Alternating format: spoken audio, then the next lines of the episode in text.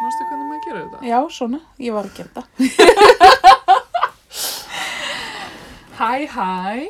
Þetta er Lóa og Móa. Ég er tvær. Tvær fyrir einn. En hver er ég? Kókó. Ah, hvað myndir þú gera ef þetta væri sólóþátturinn þinn?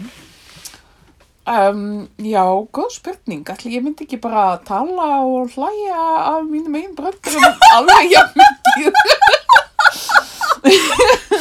Við erum sem sagt Lóa og Móa.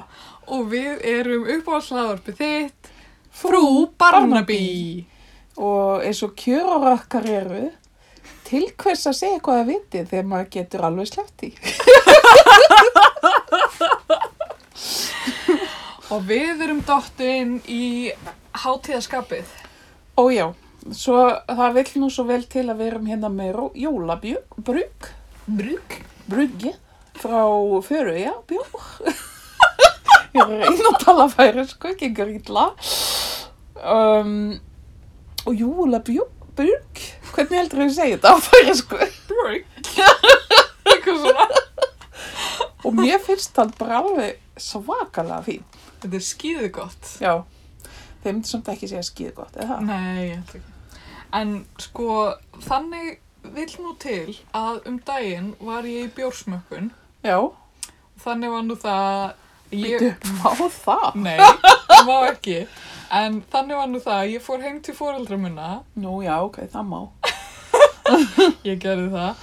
Og hérna, sem sagt, pappi hafi farið í ríkið og ég og Starkið hafum farið í ríkið og við keftum alls konar jólabjóra. Já, bárum þá saman eh, og, eh, og hérna gáfum sem sagt stig og svo endaði þetta í svolítið svolítilli starffræði þar sem Ok. að við fundum sem sagt eh, svona meðal engun hvers bjórs já, og komum staði hver væri uppáhaldið okkar aaa. bara Og? með mjög hérna svona að því pappi minn er nú líffræðingur Mm. og þá er þetta gert að svolítið svona raun, raunvísinda Leðan hátt, já. já Já, um, en sem sagt á okkar heimili þá var það ég held að hafi verið þarna giljagur nú ok, Já, ég ok. hef ekki séð hann. sem að, sem að var hlut skarpastur og man ég ekki alveg nákvæmlega Voruð þið með fyrir eða jólabjörn? við vorum með hann Ok, Eh, hann fekk einmitt, já, sko við gáum nefnilega stig í fimm eða fjórum mismunandi flokkum. já, Þetta er sko starki hérna ef við mynda starka með skjalið okkar. hann er svo alvarlegur. Það sést ekki á honum að hann er búinn að smakka, eh, hvað, 12 mismunandi jólabjóð. Þú veist, þetta er náttúrulega bara smakk. En hérna, en sem sagt, eh, flokkarnir voru sem sagt bragð, Já, útlitt, Já.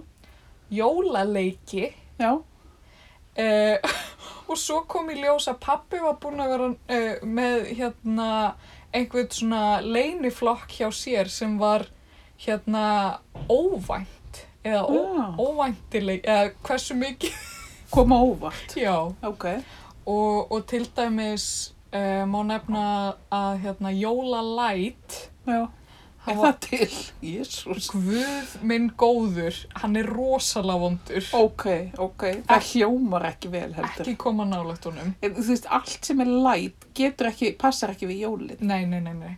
Og hérna, en hann var sem sagt alveg arfaslakur, bara eiginlega engi gæt sko drukkið hann. Ok, Nema hann fekk eitthvað eitt stig hjá pappa af því að þetta komur hann svo óvart. ok, það er gott. en sem sagt, uh, já, eh, jólabjó, uh, jólabrygg, hérna færi, færiski, hann hérna, ég held að hann hafi fengið svona ágæ, ágætis engum fyrir einmitt útlit og hérna, og jólaleika. Já, ég ætla um þetta að segja, minnst hann vera jólalegur og Já. útlitis er ekki að, að hérna, sakar ekki, sko. Nei. Það er hann að, þetta, mann ekki hvað það heitir, þú veist, til að opna dósina. Já, Það er líklegurinn. rautt Já, það voru einmitt margir sem voru svolítið hellaðir af því hann við borðið. Já, eða ekki. Aðlega ég og Ástís. Já, sko, það eru litlu atrið sem skipta máli. Já, mér finnst það. Og Það er sérst, einhvernar með þetta alveg á reynu. sérstaklega á þessum skriknu tímum sem að við lifum nú á, Já. þá þarf maður að kunna að njóta litlu hlutana. A- Algjörlega. Já. Já, einmitt. En við erum hér á aðvendinni Já, í stúdíó Barnaby já, og það eru smákökur. já. Það við erum búin að borða mandarínur líka. Já. En það er allt rétt. Það er allt rétt, það er ógeðslega vond veður, Já, frekar glata við. kallt.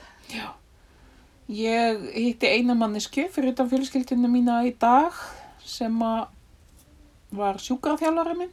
Ok, Hann sagðist þeirra búin að vera að baka sörur á fullu. ok. Sjúkraþjálfara minn, hann bakar nefnilega kleinur. Já, hvað fyrir jólið þá? Nei, bara almennt.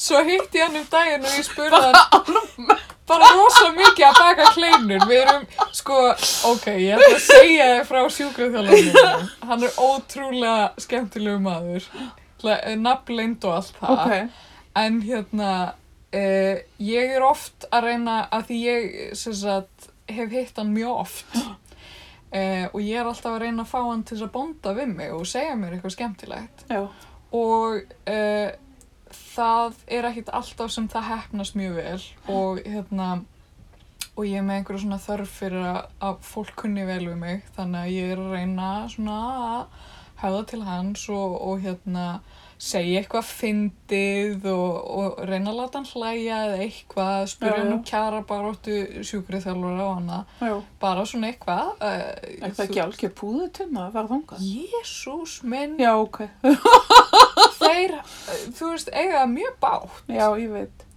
Ég þúr aldrei að tala um það. Þeir eru, hérna, þeir eru sjálfstætt starfandi, Já, eins og við, já, Og- og svo hlaðvarparar. já. Og, og hérna, og, og fengu sko held ég enga bætur þegar að COVID lokaði sjúkriðþjálfarastöðum. Já, emmi. En hérna, ok, en ég er sem sagt alltaf að reyna að láta hann hlæja og spjalla. Já, og ég komst að því seint um síður að hérna, eftir að hafa hitt hann margóft og var alltaf að reyna að fá hann til þess að tala þá, þá fekk ég hann aldrei til þess að segja hálft orð við mig fyrir en ég fór að tala um mat já, og svo bara aldeilis er hann áhuga maður um mat ok, og matreinslu þá. já og bara er ábyggilega frábær kokkur því að það sem hann er að þú veist, taka sér fyrir hendur heyrðu, hann hefur ekki keift brauð frá því í mars hann er bara að læra að gera súrdegsbrauð og núna gera hann tvo brauðlega á viku Jésús góður. og hérna, hann alltaf kannski svolítið tekur sér svona áhuga mála eða þú veist, ég Já, verið það en, hérna, en hann sem sagt í COVID þurfti hann líka að finna sér eitthvað að gera þú veist, þegar öllum, þegar hann var ekkert að vinna og svona. nei, emmi, já. Þannig að hann var að vona að ég sé ekkert að segja einhver lindamál hans Nei, en hann fór að hérna sem sagt að, re- að gera kleinur og reyna að gera hérna fullkomnu uppskrift að kleinum ok, svo fór hann að bruka sinn eigin engi fyrir bjór já, vá.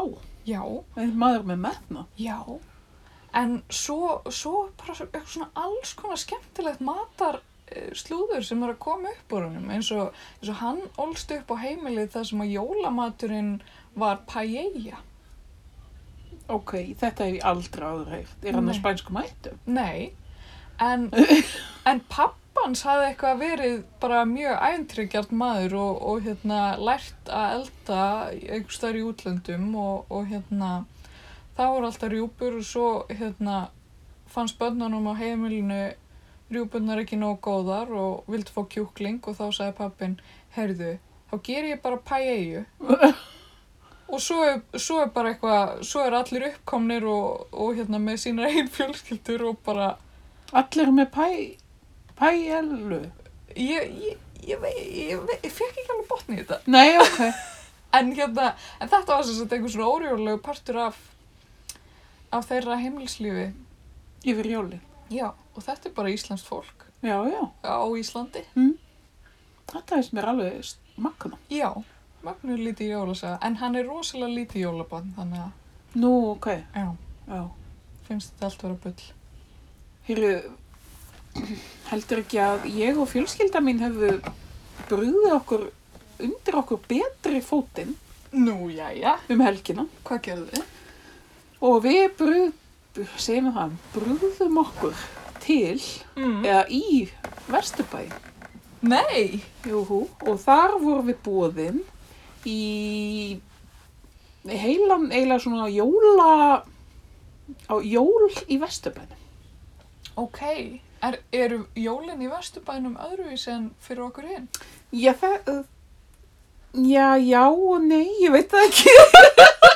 ég held ekki, en sko, van, máli var að við vorum hann að tvær fjölskyldur og við ætliðum að fá að fara með vinum okkar norður í land Mm.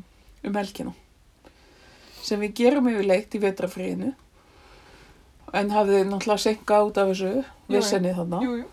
og nema svo að sjálfsögðu kemur óveður Já, já. Og við hugsaum, já, já, ok, við syngum þessu bara um einn dag og ætlum að fara á förstu deg. Og þá, nei, nei, það er ekkert að skána veðrið þarna á förstu deg og ég vaknaði um morguninn og, og sé á, á hérna, vegagerðinni að auksna dals, hérna, heiðinni er lokuð og eitthvað svona og ég er eitthvað algjör paniki. Já, Ég er sem sagt mjög veðurhætt konu. ég veit. Já. Var ekki að hugsa, anskotin, þú veist, getur veðrið fara að haga sér Mm. í desember eða nóvember? Uh, Það var reynda nóvember. en nei, þannig að við sjáum ekki fram á, eða þú veist, við sjáum alveg fram á að geta kert, en það væri svona 7 til 8 tíma kersla og Og, leiðindi. já, það er ekki gaman. Þannig að við ákveðum bara, og þau bjóð okkur í staðinn. Mm. að koma á hérna í smá jólaháttíð Ok. og ég veit nú ekki hvort ég er svona uppljóstra hérna uppljóstra, þetta er mjög svona ráðavant og, og gott fólk sem að er ekkit mi- mikið fyrir að auðlýsa sig sko. Nei, ok. Þannig að ég kannski, ég ætla kannski ekki að segja endilega hver þetta er. Nei, nei. Það er búin að því. Njá, Ég veit það ekki. ég held ekki, ég held að við, já, En Haldum okkur allavega þau hafðu nefnilega komist yfir einhvers konar jóla hlaðborð í kassa. nú, Og núna þegar fólk má ekki fara í jóla hlaðborð. aaa, Já, en við byrjum sem sett á því að fyrsta lagi að fara nýra tjörn. aha, Tók ég alla krakkana nýra tjörn og gáðum öndunum brauð. má Af því það er það sem við gerum fyrir norðan. Ok, Og hérna, já, já, það má. Það er fullt af fólki er þetta. ég heyrði einhvers staðar að maður mætti ekki gefa öndunum bröð. Já, ég held það sé nú aðalega á sumrun, sko. Já, þá bara sapnast brauðið út um allt sko. já, er En þetta, er þannig á veturnar eru þau bara mjög glöð að fá bara einhvað sko. Já, ok. Ekki það, ég veit neitt Ég um veit ekkert. En þú veist, það, það var mjög hugulegt og það Ok. var hann einhver maður að tala um einhvern svan og, og eitthvað þetta var mjög fyndið, skemmtilegt. Nú og svo fórum við aftur í Vesturbæinn og bökum pipakökur Ú, með krakkonum og úlingunum og eh, það, við segjum þetta nú á hverju einasta ári að við bökum saman pipakökur núna í einhver tug ára að þetta sé nú alveg helvíti mikil vinna. já, Við ætlum bara alltaf, já næsta ári þá bara kaupum við tilbúna kökur og skreitum þær. já, En svo einhvern veginn gleymist það og við bökum pipakökur um alveg bara, þú veist, sveitt í gegn. og eitthvað og, en allan og svo bara endaði kvöldi með, með sko fjagra, ég þú veist, tíu rétta hlaðborði í Vesturbænum. ok. Og, en sko, kannski rúsínan í pulsuendanum, það var Barnaby. Nú, Já, að eftir sem sagt hlaðborðið og yfir desertinum þá settum við á hérna Barnaby þátt. og var það jólabarnaby? Já, og þe þetta er Vá. nefnilega miklir Barnaby aðdándur Ok, og hérna og þátturinn heit sem við horfum á hétir við Ghosts of Christmas Past. Ok, ég ætla að fletta honum upp kannski á Midsommar Wikinu Já, já, já, já, já. til þess að lesa svona, æ, það er svo fyndið sem þið skrifa stundum. Já, Midsommar Wiki. en þetta var alveg sko og þessi þáttu var, hann var bara mjög vel gerður. Eða þú veist, Ok, handreitið getur stundum verið svona dodgy. já, En mér fannst handreitið þarna og allt svona leikararnir voru svona svolítið gæðaleikara ok, og það var mikil jólastemning. ok, Þannig að, já, þannig að já, þessi jóli vesturbænum fengu alveg fimm stjörnur, sko. ó nei, tengdafóreldrar Barnabys í heimsók. Já, einmitt, og hann er ekki ánægur. Nei, Og þess vegna verður svo gladur, sko. að, hérna, að það sé hringt í hann. Og þú veist, það er ekkit bara eitthvað hvena sem er, sem er hringt í hann, heldur, þú veist, er það á jóladag. já, Og þú veist, í brett, neða, var það áfram? Nei, það er á jóladag, já. Já, en þeir, sko, ég svo, veit ég hvort þú tekja eftir, þeir eru svolítið svona lengi að byrja á þessir gömlu barnabíða eittir. já, Þessu morði er ekkert eitthvað strax. nei, emitt. En þannig byrjar þátturinn jólalega. Já, mjög, mjög. Það er hérna einhver kona, hún er að bjóstra okkur að stiga, setja stjórnu upp á jólatri. og hugsa ekki strax mun hún detta niður úr stegunum Já, ég myndi hugsa strax, ó, það, þú veist, það var eitthvað svona jólamorð, hugsa ég. En svo var það ekkert þannig, sko, það var, eða þú veist, það var, fyrsta, eða sem sagt, fyrsta morði er sjálfsmorð. ok, Og, en maður fær svona enga skýringar á því, það er bara svona, það er svona í fortíðinni já, samt. það er í fortíðinni. Og svo, sem sagt, þegar maður kemur inn í nútíðina, þá er bara eh, svona nokkrir, nokkrir hópar af fólki að fara öll í þetta hús. já, já og sjálfsvíði gerðist um jól Já, það var máli já, meðan einn þarna er upp í stiga að setja upp stjörnu. mm. ok og það er þarna þessi sýstir er búin að bóða fólk í jóla Já, Hald. þau ætla að vera þarna í, í jólabóði í, þetta er svona svolítið fínt hús sko, eins og þegar maður fer að sjá meira, verðast að vera svolítið nýðu nýtt. já, eins og að því sé ekki haldið við sko já, sem náttúrulega kemur í ljósa þú veist það er náttúrulega alltaf eitthvað svona peningamál og alls konar já, já. og maður heldur að sjálfsögðu að þetta sé peningamál og þú veist það er einhvern veginn alltaf verið að leiða líkum af því já. en svo er þetta bara mjög langt frá því ok það er náttúrulega The Ghost of Christmas Past mm. þetta er náttúrulega það, það er vísbending já, en hann er rosalega seint að byrja og, og, og fyrsta morðið mm.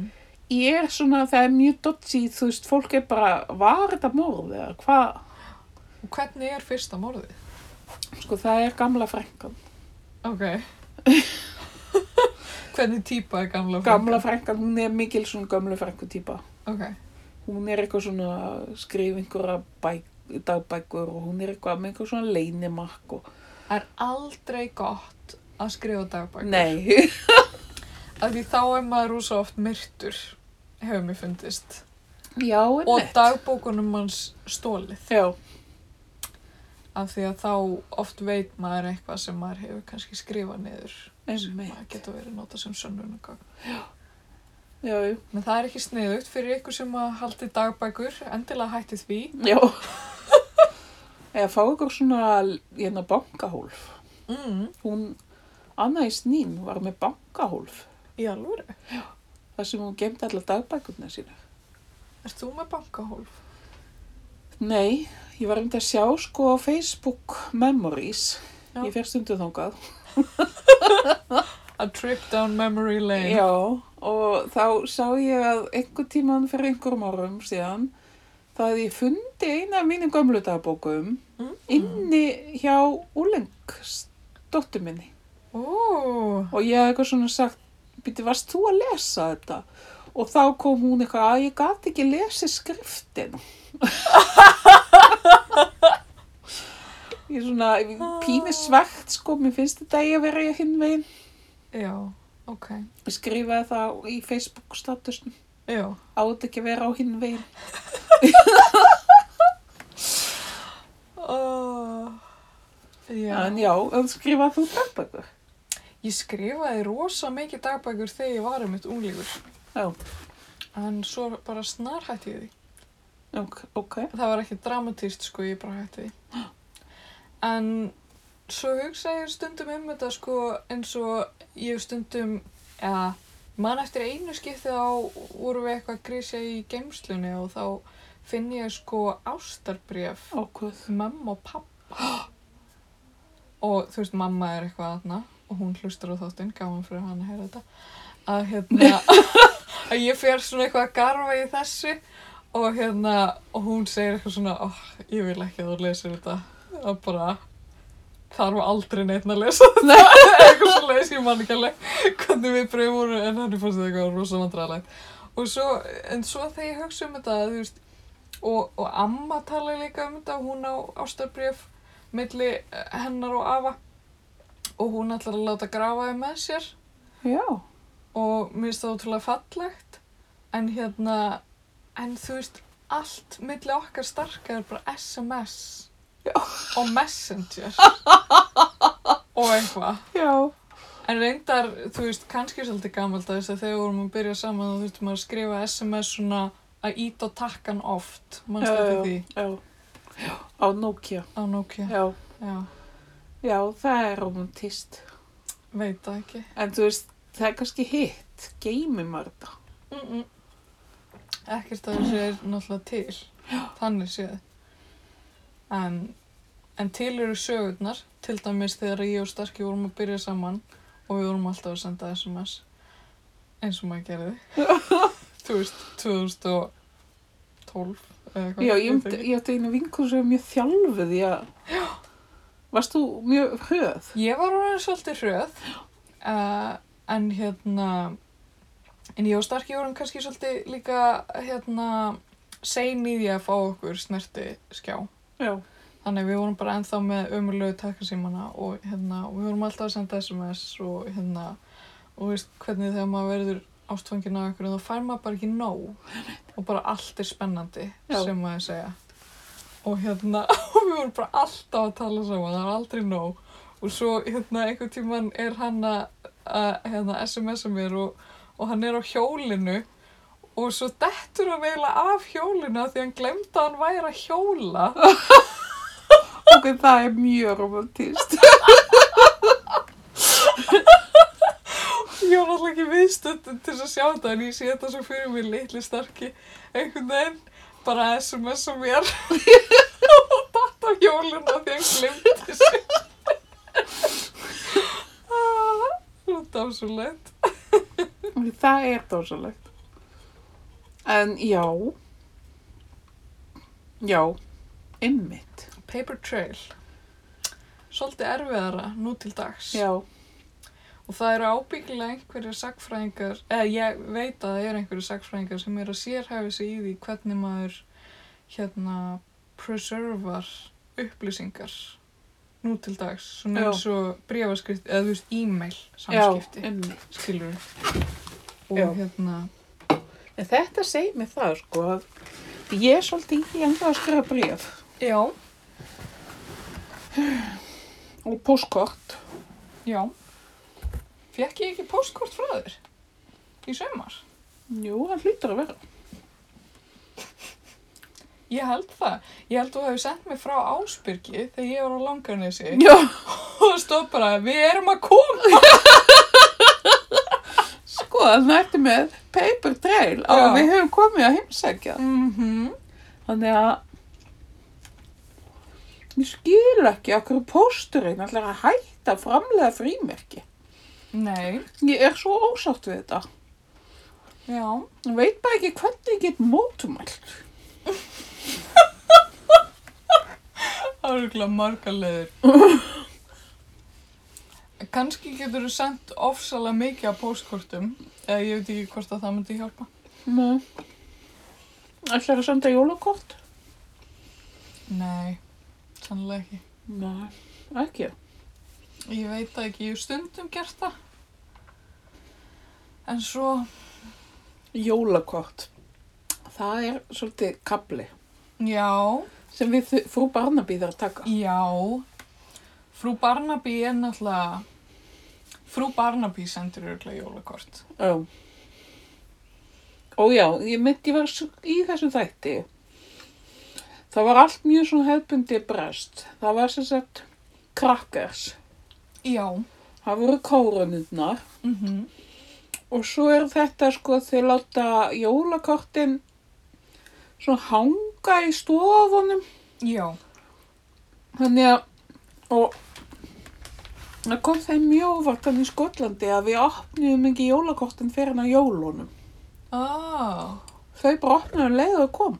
ok, Og ég var bara, halló, þú mátt það ekki. ertu síð?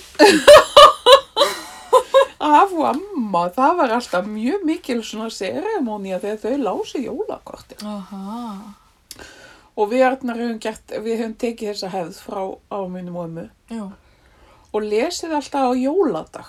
já, emmi, þetta er líka heima í mér svolítið. Já, en þeim hefur snarfækkað. Já, og eru orðin svona 2-3 eða eitthvað. já, emmitt. En ég sko, það sem, það sem við gerum er að við skrifum yfirleitt stórt kort, þú veist, með gjöfunum. Já, Eða þannig, það er alveg svona eitthvað skilaboð í, þú veist, það er ekki bara svona pakkamiði eða þannig séð. ok, hvernig skilabóð er það? Það er bara eitthvað svona hæ Móa, takk fyrir all hlaðvörpin sem að við höfum gert á þessu ári. Það er búið að vera mjög gaman hjá okkur. Já, Eh, bara vonandi hefur allt gott með fjölskyldinu. Eða þú veist, eitthvað, bara eitthvað svona bull, skilur. já, Og hérna, og eh, þú veist, ég veit það ekki. Hvernig skrifa maður jólakort? ég man einhver vinkuna mín, hún skrifa alltaf jólakortin sko og fekk sig kannski rauðislösku. Ó, oh, nice. Þannig að þú veist, síðustu kortin, það var hún svona aðeins elskulegri enn í fyrstu. og svo fór það kannski alveg út úr kortinu að vera fleiri flöskur, þú veist. Bara ég elska þig, Móa, þú ert bara svo æðisleg. Og gæst eitthvað lesið út úr í hvað hún hafi verið í flöskunni þegar að... Já, já, algjörlega, A- alveg pottið. Og svo líka sko, ég veit ekki hvort þú- við, við fengum á tímbili alveg nokkur svona skýslu jólukort. Já, mér finnst það svolítið fyndið. Já, svona það sem við höfum gert á árinu eða og þau, þau geta verið mjög mjög skemmtileg, verður ég að segja. Já, sko, þau eru náttúrulega óþörf núna þegar Facebook er. Já, þau hafa svolítið horfið. Ég er, held ég að hafa alveg fengið tvö þannig eitthvað í fyrra. Ok, ok. Ég meina, það er kannski líka bara gaman fyrir fólk sem sest niður og gerir þetta, gerir upp árið. Já, ég gerði þetta einu sinni, sko. Ok. En það var svona, við gerum þetta einu sinni fjölskyldan, en ég og Arnar. Ég veit ekki hvernig það fór í ættingjana. Ok. Það var sem sagt, við byrjuðum jólakorti á, já þetta er árið sem Arnar fór í meðferð. Oh. Eða hvort það kom einhver staðar í jólakorti. Og þú veist, manalega það voru nokkra sem voru bara, já, takk fyrir jólakortið. Þetta var mjög hugrakt eða. Þetta er alltaf, þú veist, mjög mikið tabú hjá fólki. Já, fyndið samt að því þetta er alveg stór stund oft í lífi fólk sem það má ekki tala um það. Já, ymmið. Þetta veist. skiptir máli. að því nokkri vini mínir hafa farið í meðferð og hægt að drekka og það er bara eitthvað besta sem þau gerðu, Já, skilur og, og svo einhvern veginn það má aldrei tala um það að maður hafa farið í meðferð, einmitt. þú veist það er nú alveg fleiri sem mættu farið í meðferð sko, Alveg nokkru. All, all nokkrir Nei, og svo, en svo man ég sérstaklega, sko, því ég var mikið að leiðsegja um Já. landið. Já. Þá fekk ég á tímpili jólakort frá alls konar ferða aðilum út um allt land oh boy, sem ég þekkti náttúrulega ekkert persónlega guðin gaman og það var sérstaklega gaman að fá jólakort frá víkurprjón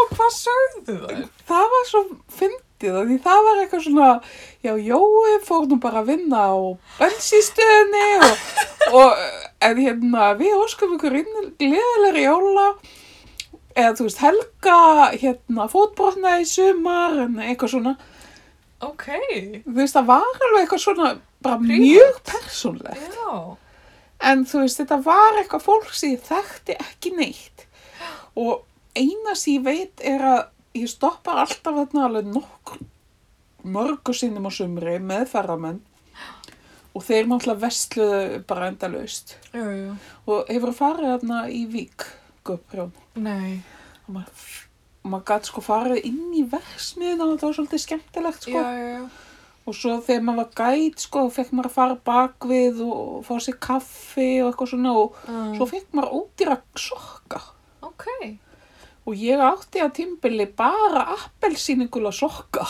ok eru þeir óvinsalastir eða eitthvað svo Ég fekk eitthvað mjög mikið af þeim því bæði mamma sem var líka gæt Já. og svo ég vorum að fá þessa appelsíningula sokka. Ok, glæsilegt. Já. Það eru mitt nokkrir á mínum jólagjafalista sem eru að fara að fá sokka. Máttu segja það? Ég veit það ekki. Nei. Hver er að hlusta? Ekki þú. Uh, Eh, og ekki þú heldur. Ég er að láta sér prjóna mér þessi. ok. Hjá uh, eðal vinkuna okkar, henni Áslögu. Nei. Hál, nú á með þetta. Já, ég, hún er reyndar gert svona fyrir mig líka. Mm Ég er mjög, til mig mjög gæfu sama að, að þekkja mannesku sem að finnst gaman að prjóna. Já, já, mér líka, ég líka, af því að ég kann að prjóna, Ég líka. en ég prjóna bara svo hægt. Ég prjóna bara svo illa. Nú, Já, eða þú veist, ég, það, þetta er sjálfskapa víti að því að ég nenni ekki að fara eftir uppskrift. já, ok, já, er það svona listamanns eðlið? Já, ég bara nenni ekki ok, að, að, hérna, og sérstaklega þegar þetta er eitthvað svona smá skapandi ferli þá er ég alltaf bara, ég get gert þetta sjálf og svo, svo er ég alltaf búin að prjóna mig út í eitthvað hot og, hérna, og nenni ekki meira. þetta er svolítið gott að prjóna sig út í hot. Það er ábyggilega mjög notalegt hot sem Já. að prjóna sig út í. Svo hlýtt og gott. Já, en hekla, gerðu það? Já, ég ger svolítið að því. Sko, ég get alveg prjóna. Það er, þetta er vitlisa. En, En E, þessi peysa sig út í, er það eftir þig? Nei, heyrðu, hún er bara úr einhverju rauðakrossbúð í eh, einhvers staðan á Norðurlöndunum. Já, ok, Ég kefti hana sem sagt notaða, notaða. Eða þar að segja, vinkona mín kefti hana notaða og ég kefti hana af henni. wow, Já. Þannig að það má segja að ég kaupi alltaf bara third hand. það er nú Flott. alveg átakalega mikið umhverfisvæn. Já. En þetta er geðveik peysa og fólk er alltaf að spyrja mig hvort ég hafi prjónað hana. Já, en akkur fer ekki bara að ljúa því? Ég ætti eiginlega að gera það. Hún er geðveikt flott, hún er rauð og hún er í svona fjórum mismunandi rauðum tónum. Já, um mitt. Hún er reyndar eitt gulur. Allavega. Mér finnst hún alveg ássalega falleg. sko. Já, þessi mjög fallegt við hana. Já. Já, ég ætlaði að segja að hún væri ekki symmetrisk, en hún er symmetrisk. Já, hún er symmetrisk. En hún virkar asymmetrisk. Mér finnst hún alveg aðeinsleg. Svo á ég nokkra líka prjónapeysur sem að, hérna, sem að amma Sirri, amman starka hefur látið prjóna á mig. Já, er hún í því líka? Hún sko prjónaði en svo var hún svo slæma gikt Já. en hún hefur góða tengingu við einmitt svona prjóna. Við prjóna undir heimana. Já. Þannig að hún fer með pantanir í hérna eina góða sem, Já, að, ég skil. sem að er mjög fljót og vandvirk.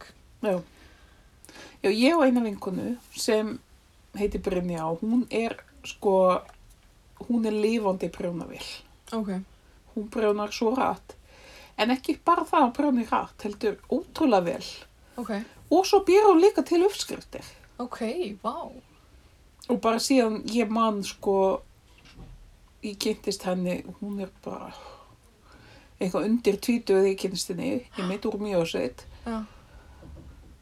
Og hún held ég hafi bara byrjað að prjóna, þú veist, í leikskóla eða eitthvað. Ok, vá. Það er óslega magna. Mm. Já, emmett. Veitu, ég ætla að segja eitthvað. En svo man ég ekki hvað það var. Það var eitthvað. Það var eitthvað mjög gott Já, og var fyndið. það eitthvað jólalegt? Kanski. Ertu búin að ákveða hvað fólk á að fá í jólagjafir? Já, já, já, já. Ég er búin að vera í svolítið korrespondens við einstakling sem er náinn þér um hvað á að gefa þér í jólagjöf. Hold nú á með þig. Mm. Nei, Jú, jú, vá, í alvörni. já, Þetta kemur mér verulega óvart. er það. Er heimild að vinna í gangi?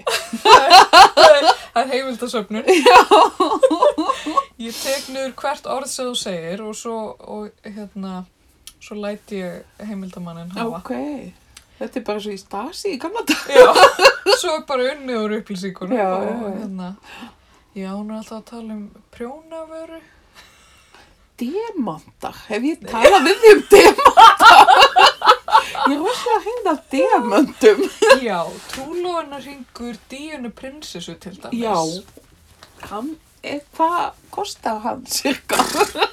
Meirun, En meirun, talandi um það, ég, ég verð nú bara aðeins að tala um viðtökurnar já, heyrðu, ef við á ekki krám. dýf okkur í það. Taka smá díjanu hopp hérna. Já, má það ekki?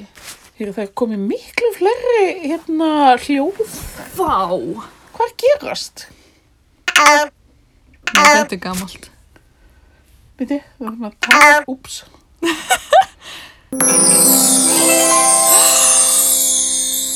Þetta er fyrir díunu hodni, við gerum Já. þetta alltaf fyrir díunu hodni.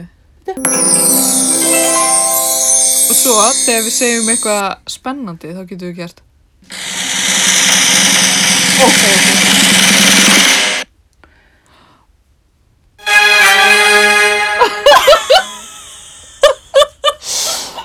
ok. Ok, allavega, það komum við að díunu hodninu. Og einn, tveir og... Þá er díanahotnið, já. Já, Í fjórðu seríu af The Crown kemur díana, já. Fram. Stjarnar. stjarnan, einu. Og hvað myndir að segja, hefur verið að fylgjast með viðbröðum eh, í fjölmiðlum og annar staðar? Já, ég hef lesið nokkar greinar. Já, Kanski við getum búið saman bækur okkar. ok, ég hef lesið svolítið af greinum í einhverjum af þessum sneplum Já, sem fjallum það að Camilla sé ekkit rosalega glöð með ok. þetta. Eða þess að, að hún sé að fá svolítið svona, hvað ég segja, skít. Já, ok. Mér finnst það, ég, ég hef heyrt þetta líka, mér finnst það komið mjög mikið á óvart í ljósið þess að mér finnst Kamala og Charles bara koma ákveðlega út úr þessu. Þannig séð. Já, en sko, En hefur, sko sérstaklega Kamila, það er ekkert, hún er ekkert beinlinnes að gera neitt. nei, Í sko í þáttunum. nei, nei. Nei, en samt, sko, hún, það, það er, kemur berlega í ljós og það hefur, er reyndar sannað Já. að þau hafa haldið áfram sambandi Já, já. uh, á meðan hann og rétt áður meira að segja og hann uh, giftist í henni. Já. Sko, það er náttúrulega ekki frábært að hann sé alltaf endalust að halda fram hjá henni. Nei, gæti að verið. Og það, það er ekki mælt með því. En sko, eh, myndin sem er málið upp í þáttunum Já, er svo að Charles vildi aldrei giftast í hennu. Krúnan vildi að hann giftist henni, svo hann gerði það. Eh, hann gerir það, er bara ennþá endalaust ástfangina Kamilu, heldur áfram að halda við hanna og getur ekki veitt díunu það aðhald eða þá ást sem að hún á skilið og hérna sem að veldur öll, allri þessari óhamingu um mig. í hjónabandinu og, og svo hérna í síðustu senunni milli þeirra sem mér finnst nokkuð áhugaverð þá hérna þá er hann eitthvað hann að uh, komin á suðupunkt hann hérna Josh O'Connor Já, Charles að hérna hann öskrar á díunu að eitthvað um að hérna hann sé bara hættur að svara fyrir þetta hjónaband sem að hann gekk ekki viljandi inn í já, og hérna og hann uh, hérna þvæði hendur sínar af því já, um mitt. En mér finnst hann fyrsta lagi leika rosalega vel. Vá, mér finnst hann frábær En sko, ég hatt hann, Já, nákvæmlega sem kannski segir hvað hann leikur hann vel. Já, En sko, og mér finnst rosaleg senan þegar drottningin skammar hann.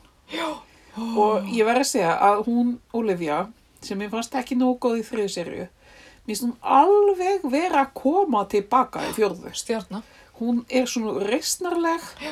aldur, ég var búin að segja þetta í síðast þetta, Já. eða þar síðast það, en hún tekur hann bara á teppið, bara svona eiga mömmur að gera þetta, þú veist. Ok, eins og ég myndi lýsa því, þá tekur hún hann og pakkar honum saman. Já, mitt. Og bara, halló, þú ert í fáránlegri fórættindastöðu, Já, farðu og gerðu eitthvað. Já. Hætt að væla. get og it together. inn, einmitt. Og hérna, og þú veist, og, og Díana er í fórættindastöðu Já, já, og þau eru bara eitthvað bæða væla. já, Og þú veist, þau, og að reyndar mér finnst til dæmis Ríana, Ríana, Díana, alveg nokkru sinnum í þáttunum og maður fe- fær það líka á tilfinningunni af heimildamöndum og öðru, já, er að hún reynir já, að koma tilbaka. Hún Já. reynir, sérstaklega eins og eftir snjóflóðið og, og Já. eitthvað svona, hún reynir að gera eitthvað. Já.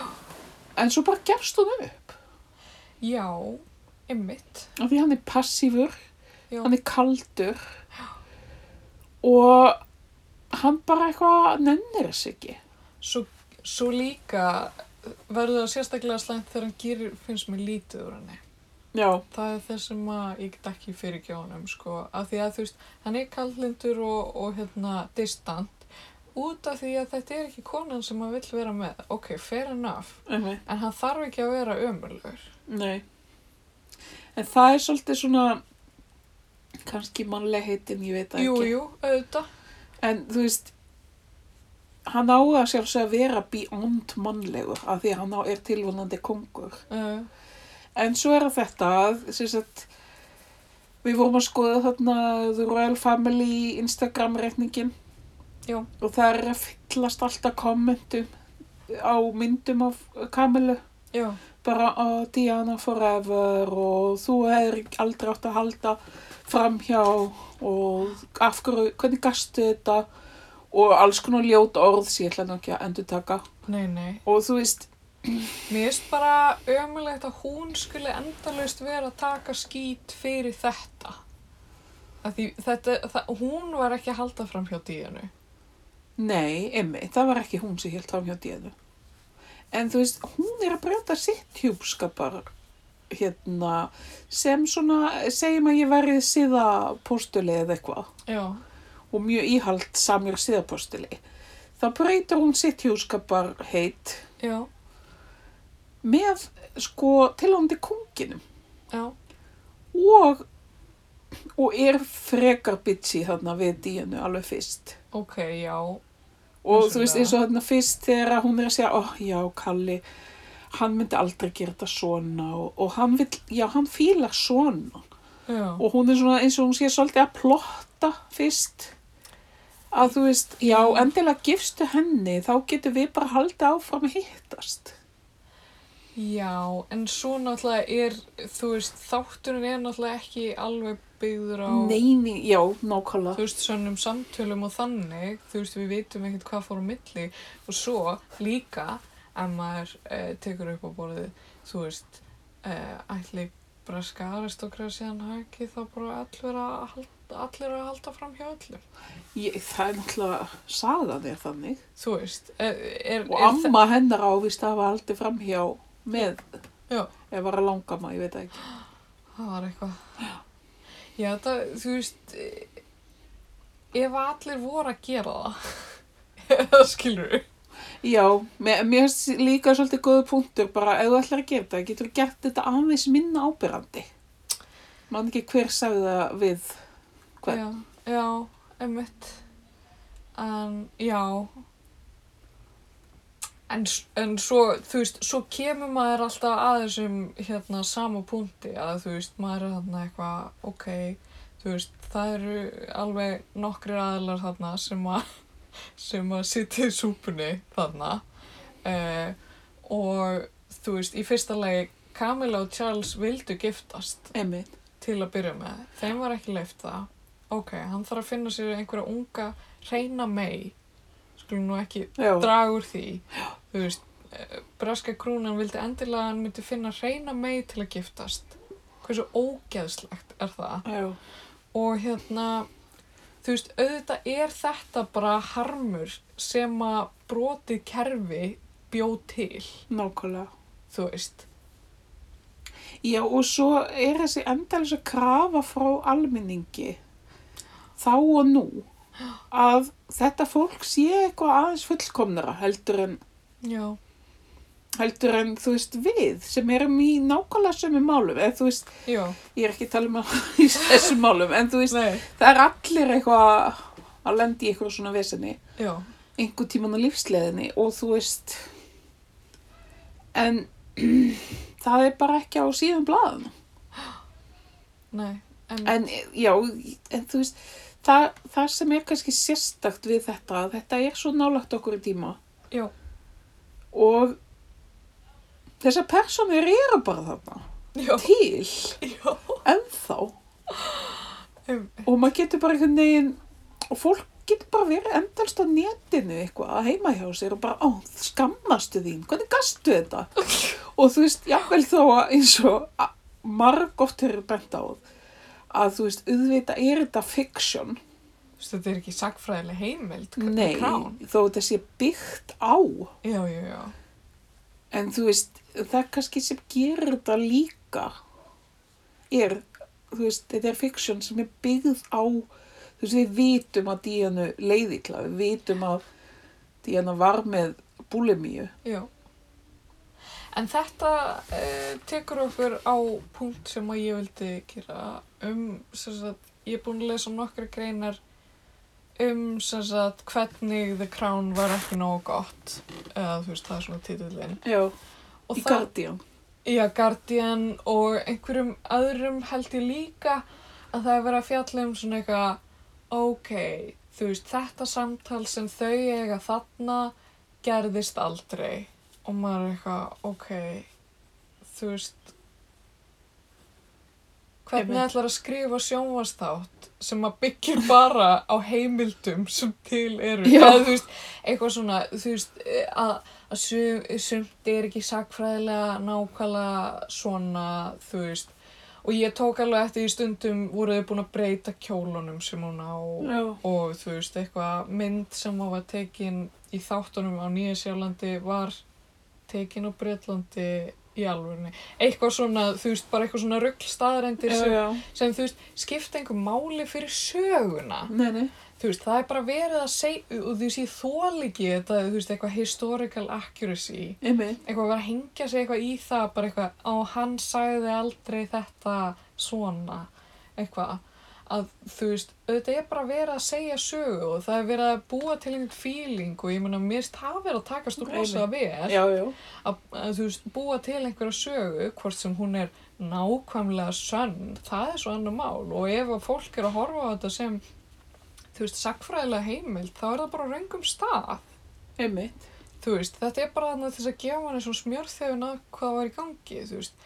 Ef maður vill vita meira um Margaret Thatcher þá þá maður kannski bara horfa á heimildamönd um hana, Einmitt. ef maður vildi það. Ég, þú veist, ef maður ætlar að fara að skrifa sagfræðirritgerð um eh, Margaret Thatcher eða sögu krúnunar, þá er maður ekki að fara að horfa á þau krám. Nei, þú veist, En þetta er bara depiction. það getur bara að hjálpa manni að koma í einhvern svona fíling Mm. eða eitthvað. Já, ég meina þetta er bara, þetta er bara skemmt, þetta er bara entertainment Já, en það er einmitt og tólkun. svo aðeinsvert að þú veist, þetta er entertainment og et, manstu þessi, þegar við vorum að tala um það að þú veist, getur verið að þetta sé eitthvað smá propaganda í þessu. Já, Þú veist, við vorum búin að ákveða já. já, ég nefnilega er alveg á því að því að mér finnst drottningin koma rosalega vel líka út úr þessu. Já, já, Og ég held að það, þú veist, þessi margt, það hefði geta látið hann að líta mun ver út. já, já, algjörlega. Og hún var svolítið svona meira fyndin, fannst þér, í þessari sirju. Já, Af því hún var ekkit, hún var ekkit alltaf í forgrunni í þessari sirju, af því það var svo mikið Thatcher og svo mikið Diana. Þá var hún svolítið svona meira supporting eða þannig já, að þú veist, hún var oft bara, oh, right here, eitthvað. einmitt, já, Þú já, veist, já, miklu meira heldur en þessi svona, þú veist, drottninga já, já, já. típa. En, en þú minnst líka sko eins og hvernig hún tekur á margar tatser, hvernig þeirra svona Samband, samband, það var mjög áhugast. að þú veist, það er svo, mér finnst það, þarna er verið að gera smá svona seint úr drottningunni. Já. Hvernig varst þið tekið á Margaret Thatcher eins og var?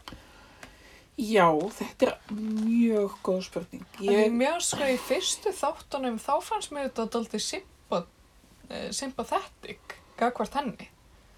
Já, mér fannst það reyndar alveg fyrst Og, líka. og full mikið sko. Já, en sko ég kunni ekkert sérstaklega vel við leika, leikonuna. Eða, Gillian Anderson. eða sko, ég kann vel við leikonuna, en mér fannst þetta ekki Ekki passa. flott representation, eða hvað sem maður segir. Ok.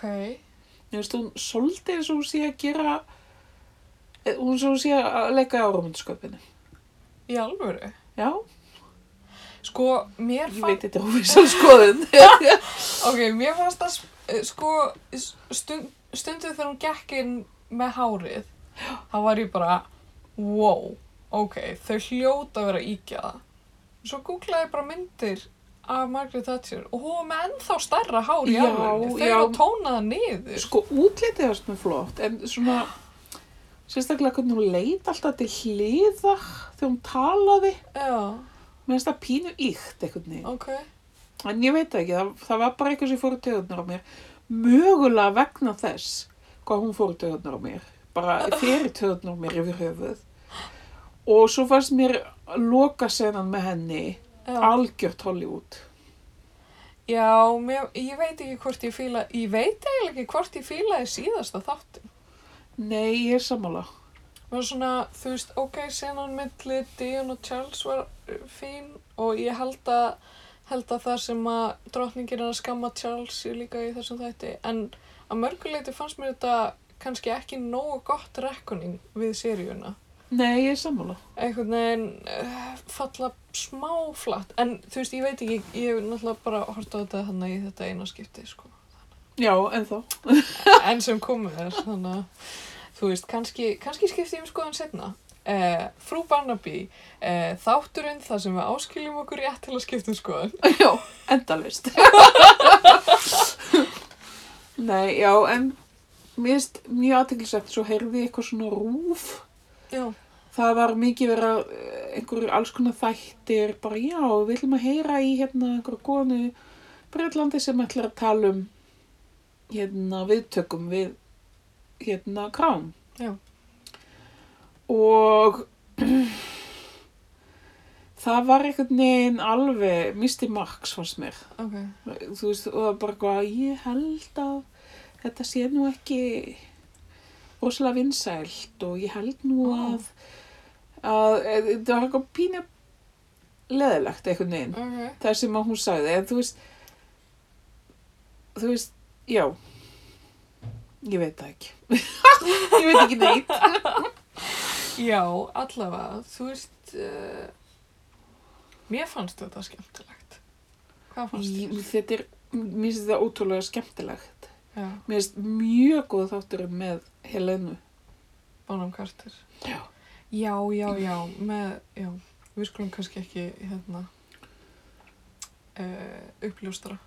nei, en hún er bara algjörlega mér Hún er finnst frábær. hún er storkosleg Og eitt sem mér finnst, núna þegar að ég er búin að horfa sérjun á, þá fór ég hérna að horfa svolítið á viðtöl við fólki sem er að leika í þáttunum já, og bara svona þeirra teik á hérna, á hvernig það var að leika í þáttunum og þú veist, bara alls konar eitthvað.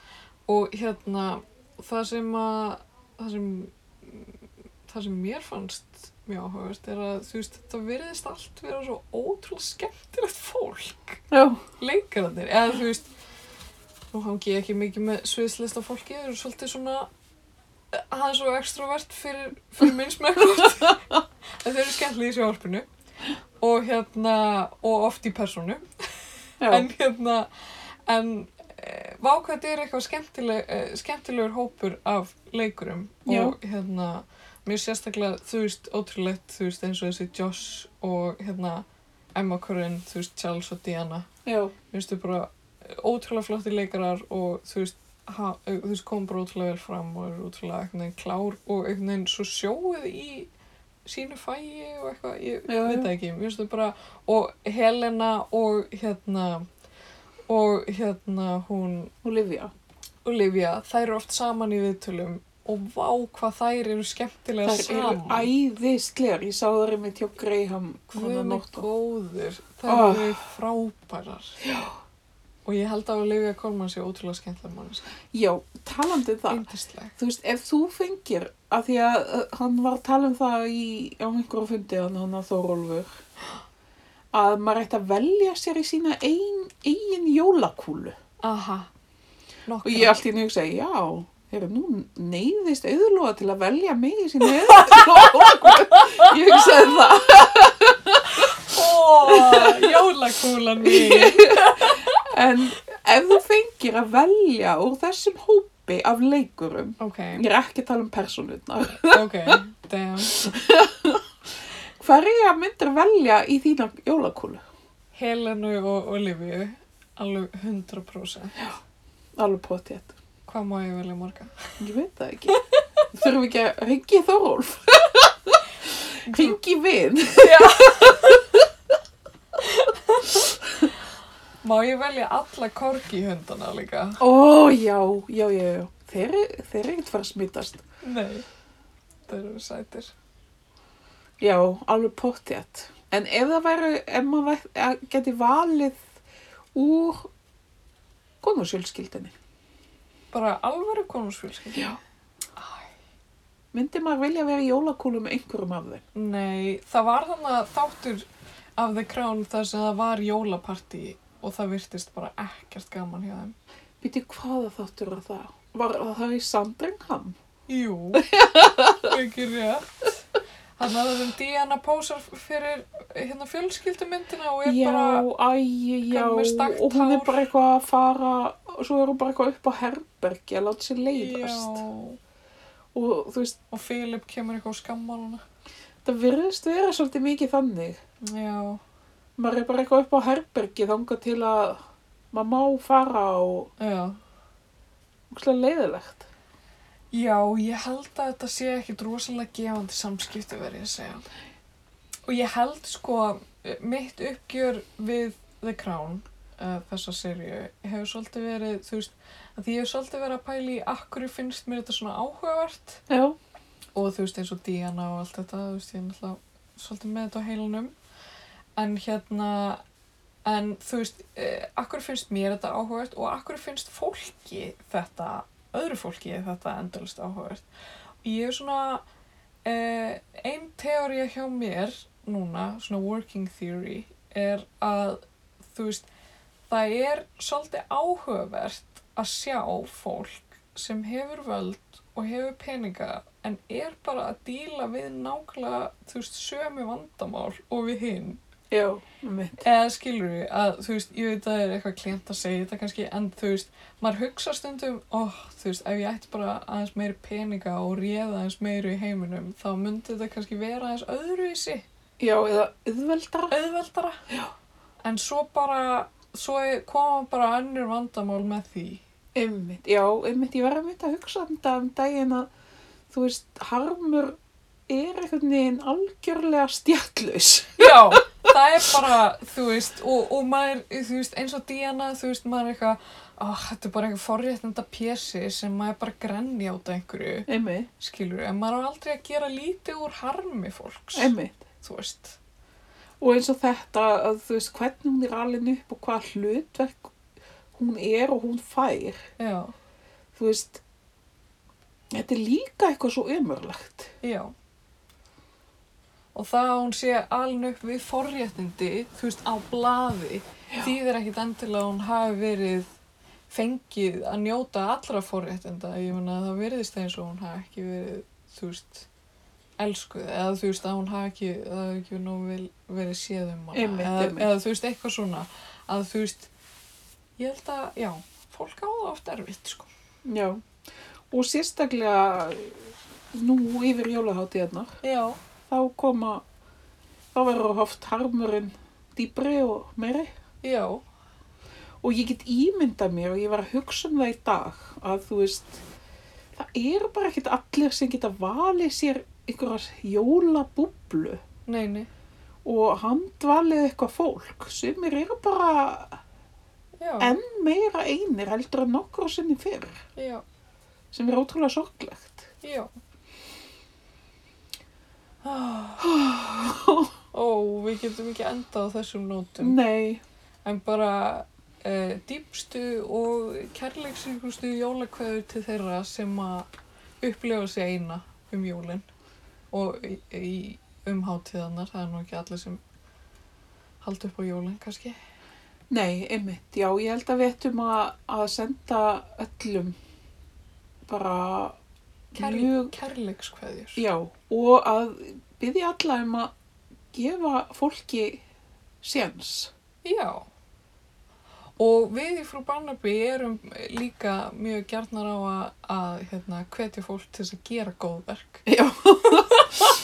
Við heldum áfram. Við haldum áfram og hérna bara endilega gerir þið sem flest góðverk og, og hérna ef þið hafið einhverja fyndna myndir af fyndnum góðverkum sem þið hafið gert að þá getið þið sendt okkur, sendt okkur þær og, og það, þær munu kæta. En já, hefur þú gert eitthvað góðverk í vikunni? Í vikunni? Vá! Ég veit það ekki. Jú, heyrðu. Ég keipti uppáhaldstegundin af tei, eh, uppáhaldstegundin hennar mömmunar. Ó, Og ég keipti það og fór með það til hennar. ok. Ég er að spá hvort það flokkist sem góðverk Mm. að ég hafi náð í jóla, hérna, jólakrans fyrir mömmu mína um leið og ég sótti minn. Já, svona hálf, Smá. sv- svona smá. Smá góðverk. Smá góðverk. Um, hjálpaði dætturum mínum að læra. Já. Ég fór með systumunni og eh, hérna hjálp, eh, stuttana svona andlegum stuðningi meðan hún létt mæla í sér sjónina. Ok. Heyrðu, hún má ekki keira glerugnalaus, sko. Ó, Hún er aldrei verið með gleru. ó, svakalegt. Þannig ég var bara aldrei að gera góðverk þar, held ég. Er aldurinn að fara með hann? Nei. Víti nú við. Uh, þetta er svolítið skemmtilega leikur. Hérna...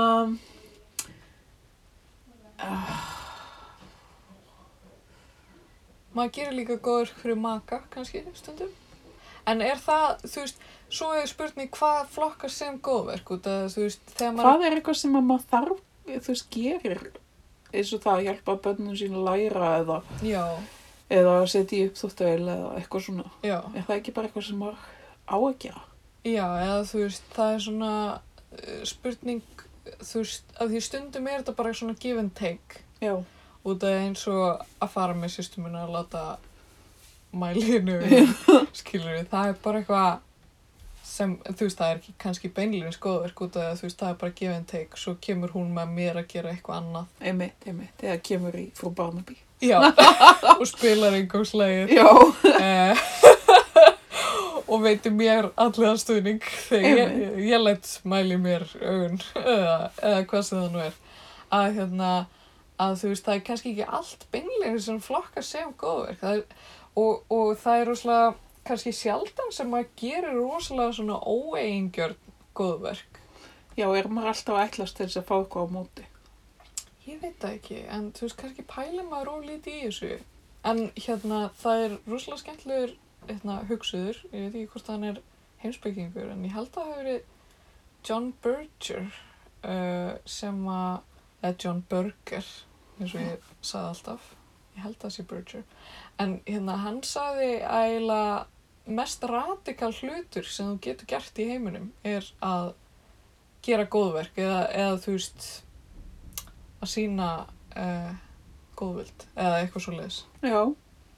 Einmitt. Man ekki alveg hvernig hann orðaði það samt en það, þetta var rosalega flott að þú veist þegar þú gerir eitthvað en býst ekki við neinu uh, Já, svo Tilbaka. sett óeingjart. já að hérna að þá uh, þá sé þetta þú veist þetta er náttúrulega svona mjög andkapitalist og, og ekki hægt að skilja þetta út frá neinum svona hagfræðilegum Einmitt. sjónamiðum. Einmitt. En það er Nei. einmitt sko, núna eru jólin að gangi í garð og þá er, þú veist, þá er eh, gjafir.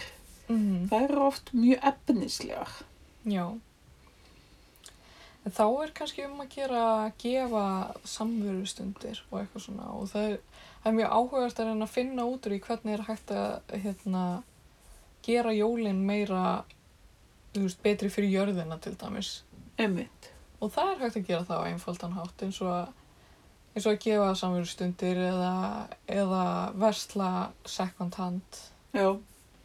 eða eitthvað svo leis eða e Littlar gjafir. litla gefir, gefa mat Já. Ég til dæmis, uh, og nú er þetta engin spoiler, út að ég og starkaður við gröfum oft, oftast fisk. Hér, já. Fá. Ekkert smá góðu. Það er það góða.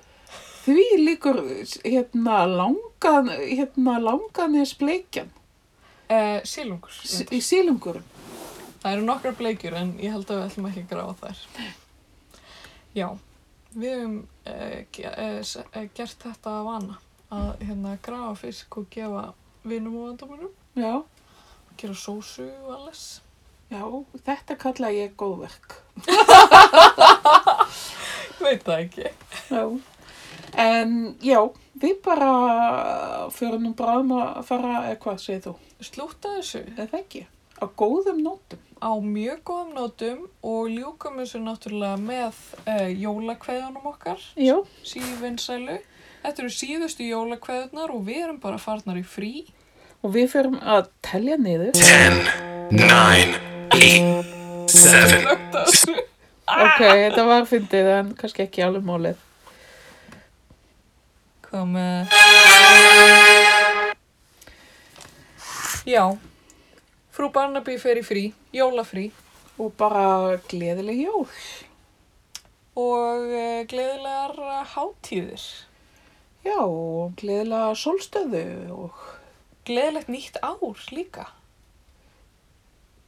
verður kannski, eitt þáttur við jólan jós? Nei, ég nei, held ekki. nei, djók.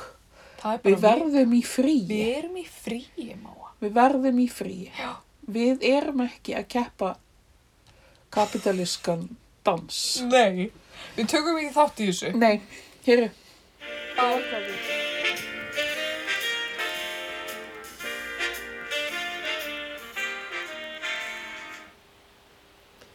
Hó, hó, hó. Hó, hó, hó og velkomin í uppáhalds dagskrárliðin eh, ykkar sem að er eh, jólakveður frú Barnaby.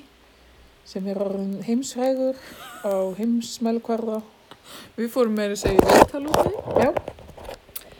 Eh, það var svona það helsta, það er svona það helsta að frétta á okkur. Þú þegar var bara þýlíkt hlaðist inn kveðina. Já, það er hérna einn, langar þig að byrja á? Já, við bara vindum okkur beint að efninu og það er kveðja frá honum Mattiasi Rúnari Sigursinni og hún hljóðar svo Gleðileg jól Gunnar Jóli og svo stendur Elsku yfirstrykkað frú Barnaby Gleðileg jól. Ó, Takk kærlega fyrir Mattias. og gleðileg jól sömu leiðis bara. Já. Ok, hérna er, hérna er önnur góð uh, frá nafnu minni, Já, Auði Jörgunds dóttur. Uh, hún, uh, hún segir hér, uh, sæl kæra frú Barnaby, takk fyrir skemmtilega þætti sem hafa sannarlega glatt. Eh, Mig langar að senda eftirfarandi jólakveðju. Ég sendi mínar jólalegustu jólakveðjur austur á Seyðisfjörð til mínar allra bestu hönnu Kristelar. Treysti á að þú ausir jólakveðjum yfir fjörðin til allra sem enn hafa ekki uppgötað töfra frú Barnaby. Ó, Mjög fallegt. mjög. Og, eh, og hún er búin að gera góð verk sem að var að- að hjálpa vinum að flytja eh, og reyndi að fylgja ketti yfir götu en eh, kötturinn þáði eigi. Það er svolítið gott. Kettir eru svona, þau Já. eru bara, kunni ekki gott að meta stundum. Einmitt. En við bara sendum báðum þessum aðlum líka bara sömulegis hverjur. Já, bara gleðileg jól. E, já, þá er sem sagt jólakveðja frá samstarfskonu okkar Já, e, sem heitir Evaran e, Rúnastóttir og hún eftir mikið þref þá samþekkt hún að senda jólakveðju og hún hljóða svo Hæ Anna og Bryndís, Móa er að neyða mig til að senda jólakveðju og hér er hún, jólakveðja, komma Eva. og þetta er líka, Ó. þetta er líka krafsað svona á blað eins og hún sé, eins og henni sé haldið fanginni. Já, þetta er Hún hann. hefur svona náða að lauma þessu að ykkurum sem gekk uh, fram hjá henni. En sko hún, góðverki hennar, við samþektum að hún ætlaði að gera góðverk sem væri að ekki leiða gamla konu yfir götu Já. út af COVID. Ok. Mjög gott. Ok, hérna er, hérna er eina á ennsku. Þetta er fyrsta, uh, Ú, fyrsta hérna, jólakveðan á erlendu tungumóli. ok, ert þú með BBC-röddina? Já, það er spurning. Hversu BBC viltu? Já, ég vil bara full Monty, sko. Æ, ég veit ekki hvort ég hefði í mig. Ég misti sko breska hreiminn minn við svona 11 ára aldurinn. Ok, en við, við, þú reynir þetta. Ég reyni. Ok, Ok. þessi kveðja er frá Aroni, uh, vini okkar starka, sem að ætlar að senda uh, hérna eftirfarandi kveðju. Dearest Elsa, may your holidays sparkle with laughter and merriment, and the magic of Christmas fill every corner of your heart and home with joy. Uh, and may the love of Christ be with you now and always. Yours respectfully, Aaron. Þú varst alveg með þetta. Eh, Ég, ég, ég skipti um eh, hérna hvaðan ég var. Þú Þú byrjar mjög BBC-lega, allavega. það er mjög flott. Ég reyni. En mér finnst þetta mjög metnaðafull kveðja frá honum Aroni til Já, Elsu. bara Happy Christmas, Aaron Já. og Elsa. Merriest of Christmases. Ok, hérna er einn frá drottningunni sjálfri. Ok, Það er hann ekkert. Já, hann náttúrulega, við glemdum að lesa kveðina hans síðast í hans stórkoslega þætti, en hér kemur kveðan frá honum. Innilegar jóla og samúðar kveðjur til síningageslunar á þjóðminnisafni Íslands síðan ég vilja byrja heilsa öllum þeim ferramönnum sem ég hitti ekki á árinu í viltar, trilltar, Íslandskinningar og hvað ekkert. Hann er nú alveg. Já, ok. Ég, við viljum ekki vita hvað góðverk hann gerði. Nei, nei, örglega eitthvað mjög, mjög gott. Já. En hérna, við vildum nýta tækifæri líka af því að, uh, já, surprise, þetta er síðast, þetta eru síðastu jólakveðnar, eða hvað? Já, það er svona, kannski kemur auka jólaþáttur. Við erum svona að hugsa það. Það er bara jólabónus, en, en þú veist, kannski höfum við líka ekki tíma til að gera það. En ef að þið eru mjög mikið að reyka eftir okkur, þá kannski mögulega, Hendum við í svona jólaspecial. já, En hérna, en annars er það bara, uh, ætlum við að óska fólki bara, uh, hérna, gleðilega jóla. Og við ætlum að lesa smá lista af svona ötulum uh, hlustendum og, og fólki sem að svona uh, aðstóða okkur á árinu og, já, mitt. og svona vel, velviljarar sem að eru uh, á ymsum stöðum. En uh, okkur langar að þakka sérstaklega hérna Ástísi, Hönnu, sýstu minni, Já, litlu flaut, eh, litla flautuleikaranum emmitt. og hérna, og þakka henni fyrir líka að koma í viðtal og bara gleðileg jól Já, gleðileg jólastís og bara virkilega gaman að hlusta á flötuleikjum já, og bara að fá að kynast þér. já þó þau eigi ekki vel saman samkvæm, Já, samkvæmt Stjörnu. stjörnuspanni. en það er svona mál við erum ekki mjög hjátrúfulla Nei, nei, nei, nei. en svo er það Gunnar Óli líka og Eggert og Já. hérna þakka þeim alveg kjalla fyrir að hérna, kíkja í viðtal til okkar og bara, Já, bara takk innilega fyrir strákar, þeir eru bestir. þeir, eru, þeir eru mjög góðir það er engin bestur í þessum Ok, heimi sorry. Við erum sósialistar, Móa. En þeir eru mjög góðir. E, svo eru það bara svona ímsir góðir áherendur sem að, Já, sem að, já, við viljum bara þakka kærlega fyrir kvartningu og hérna jákvæð skilaboð frá uh, áslögu Kassata, gleðileg jól, elsku áslög. Nú og svo henni samstarfskon okkar Önnustínu líka. já, Uh, Mattias, hann er nú búinn að fá eina jólukveðju, en hér fer aðra, gleðileg jól, Mattias. gleðileg jól. Elsku, Og Mattias. Um, nú, já, svo er það hún Greta Sigrún, hún átti mitt ammali 1. desember. Einmitt. Mér finnst það eitthvað svo hátilegt. Já. Til, til hamingi með ammalið og gleðileg jól, Greta. Já. Nú, og ekki má gleyma önnu tóher. Ötull hlustandi. Já, Búin að bara hlusta oftar en einu sinni. takk kærlega fyrir bara alla kvartninguna og skilabóðin. Og, og Eva, takk fyrir að senda jólakveðju. Já. Nauðug. Ég veit þú heyrir þetta ekki, af því þú ert ekki að hlusta á þáttinn. Skömmið þín. Nema þegar hún er að býði röðinni hjá IKEA. Ok, Þá hlusta hún á nokkra þætti. ok, nokkra. Ég alveg tvo eða eitthvað. Wow, og fyrsta þáttin held ég. fá, þetta eru ógislega löng röð. Já, En, eh, en að samaskapi langar okkur líka, þú veist, eh, listin er náttúrulega ekki tæmandi hérna. nei, nei. En hérna, en við viljum bara, Ef við erum að kleifa þér, þá er það viljandi. Nei, djók. við svipum þetta niður hérna áðan og við hérna bara byggumst velvirðingar ef við erum að gleyma einhverjum, það er ekki illa meint. En hérna, starfsmenn þjóðminnesafs og safnahús fá, uh, Sérstakar jólakveðjur já, með miklum flóksikri og sætum sigurpúðum. og jólatöfrum. Já. og heyrðu, hann Jamie, hvað heitir þessi frægur? Já, Jamie Lannister. já, já, það er hann að leikarinn sem leikur í Game of Thrones. Já, hann fær jólakveðju frá frú Barnaby. Hann Já. mun aldrei heyra það.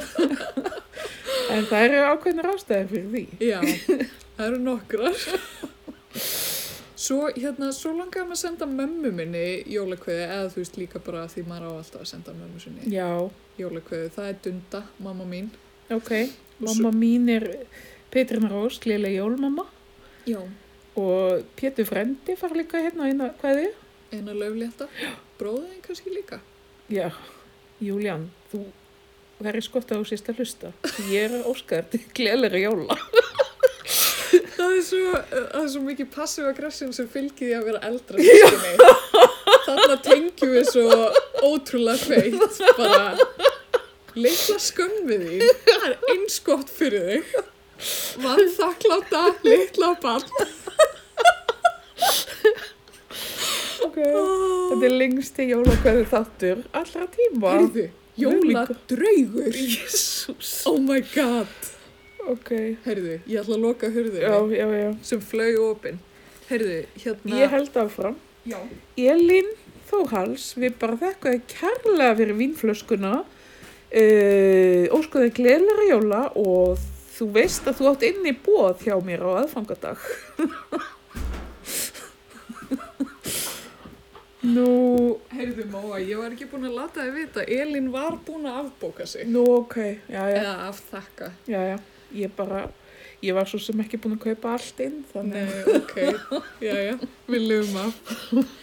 Hérna, svo er það nokkra góðar stöllur, Auður Jörunds, Kata Péturs, Jónar Líf, Gleðli Jól. Já, bara gleðileg lista, góð jól.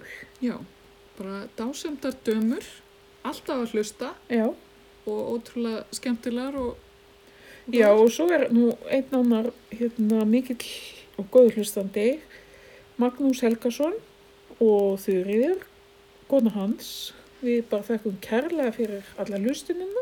Já, og sömulegis Guðrúnþóra og hérna allir, eða allir eh, aðrir hlustendur þarna fyrir norðan. Já, gott að eiga svona, hérna, smá svona nýs þarna fyrir norðan. Já, smá aðdanda kjarnar þarna. Já, Em, svo er það Hrefna og Þórir og litla Jésúbarnið sem er að fara að fæðast þeim.